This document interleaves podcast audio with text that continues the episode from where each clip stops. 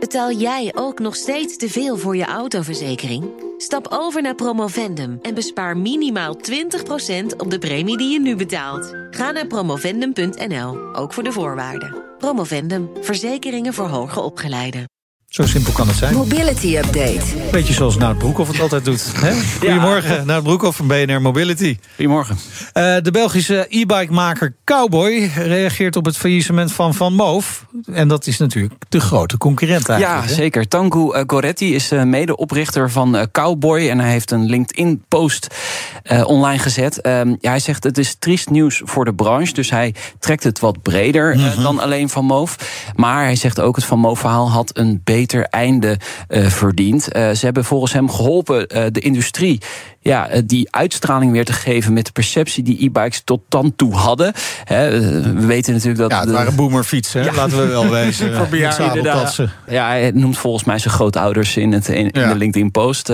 die reden op een e-bike. Bejaardenfietsen dus, ja. Ja, het zijn lieve woorden, natuurlijk. Maar aan de andere kant, ja, de een uh, zijn dood is de ander zijn brood. Ja. Zo werkt het natuurlijk ook wel. Cowboy richt zich namelijk best wel op de Nederlandse markt. Ze hebben een, een paar weken geleden ook een speciale fiets met een, een, Nederlandse zithouding gepresenteerd. Met een gebogen stuur, een breder zadel, uh, lagere trapfrequentie. Dus ja, ze gaan gewoon op die Nederlandse markt proberen uh, te groeien.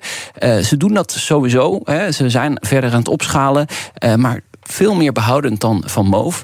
Uh, geen tienduizenden fietsen per jaar verkopen, maar iets rustiger aan. Ik moet wel zeggen, er moet ook daar steeds weer geld bij, bij ja. Cowboy. Uh, maar ze denken wel volgend jaar uh, mogelijk zwarte cijfers uh, te schrijven, zegt de oprichter. Cowboy helpt natuurlijk nu ook die vermoofrijders met die Bikey-app. Ja, dat is een bijzondere ja. knipoog wel, hè? Ja. Waarmee je een encryptiecode veilig kan stellen van je juist, fiets. Juist, zodat je je Van Moof altijd open kunt maken. Ook in de toekomst. Stel, de Van Moof-app zou eruit. Hey, maar bij Cowboy was er ook wel wat gedoe over de service. Hè? De. Die, die, hebben ook deals gesloten met uh, allerlei serviceverleners. Ja, ze gaan uh, opschalen dit najaar.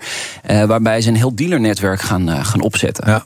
Ja, ik hoop voor hun op tijd. Ja, en, dat... en, de onderdelen die Cowboy gebruikt, dat zijn wel gewoon reguliere ik weet niet precies hoe het zit, maar ik denk dat ze dat beter op orde ja, hebben. Kan inmiddels ja. al je stuur omhoog bij Cowboy? Want dat kon nooit. Uh, ja, ze hebben dus een Nederlandse zithouding. Ja, ik, Oh, ik kan me voorstellen dat dat wel uh, dat dat goed is. En hebben ze bedacht om toch een standaard, gewoon standaard Oh ja. op de fiets te monteren? niet als add-on, ja. De fiets leg je gewoon lekker op de grond. Ja.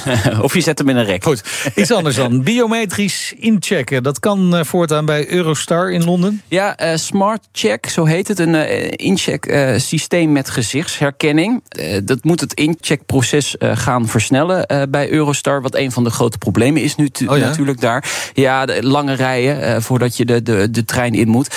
Eh, dan is er dus slechts één paspoortcontrole nodig in plaats Maar van dat is vanwege de brexit dat die lange Ja. ontslaan. Ja, ja Staan. klopt. Eh, het werkt via een app, iProof met een V. Eh, ja, wat je dan doet is dus je identiteitsdocument scannen, je gezicht en je ticket verifiëren. Er is jarenlang mee getest en het is dus vanaf gisteren en vandaag dus uitgerold. En het is nog niet voor iedereen, maar voor Eurostart Business, Premium reizigers en carte blanche klanten.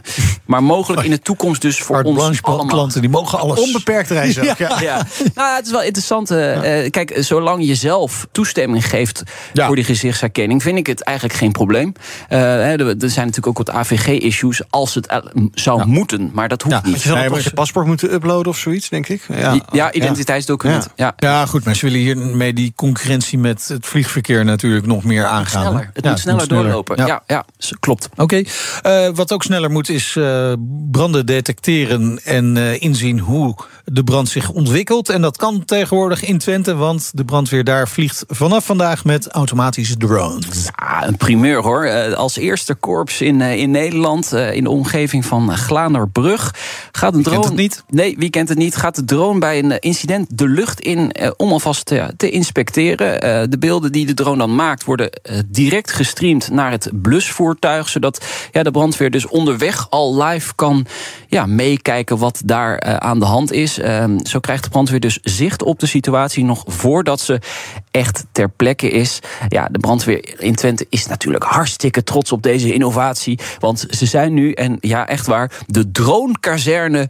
van Nederland. En misschien wel van Europa. Ja, mooi. Ja, maar ze hebben ook zelfs hittebeelden hè, op die drone. Dus ze kunnen ook zien precies waar die, die brandhaard zit. Ja, ik denk dat het een perfecte ondersteuning is. Het is natuurlijk nog wel een heel klein gebiedje.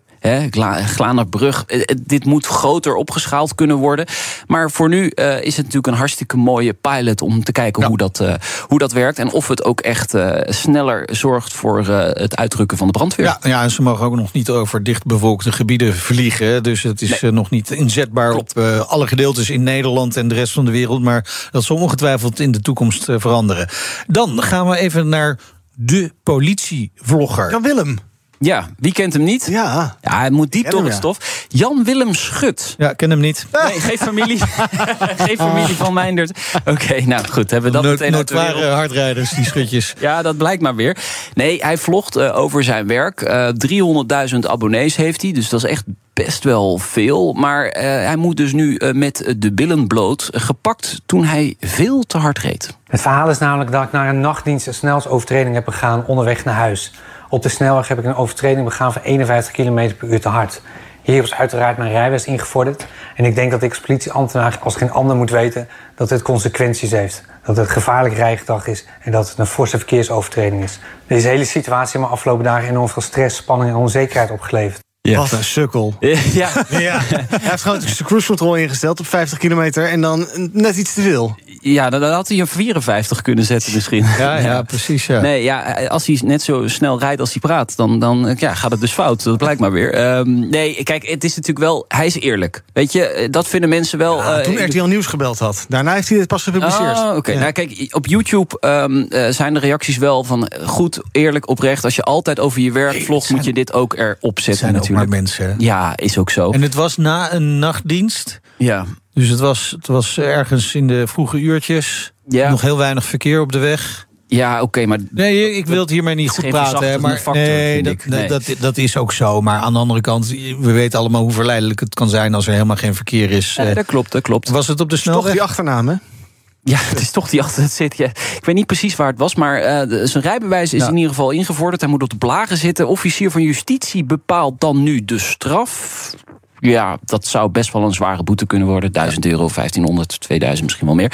Maar hij heeft ook een schriftelijke berisping gekregen van het politiekorps.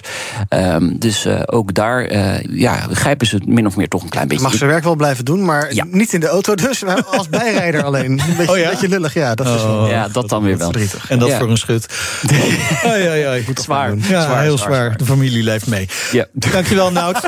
BNR Mobility hoor je iedere maandag om half drie. En kun je uiteraard terugvinden in je favoriete podcast-app. BNR Mobility Update wordt mede mogelijk gemaakt door ALD Automotive en BP Fleet Solutions. Today, tomorrow, together. Betaal jij ook nog steeds te veel voor je autoverzekering? Stap over naar Promovendum en bespaar minimaal 20% op de premie die je nu betaalt. Ga naar promovendum.nl, ook voor de voorwaarden. Promovendum, verzekeringen voor hoger opgeleiden.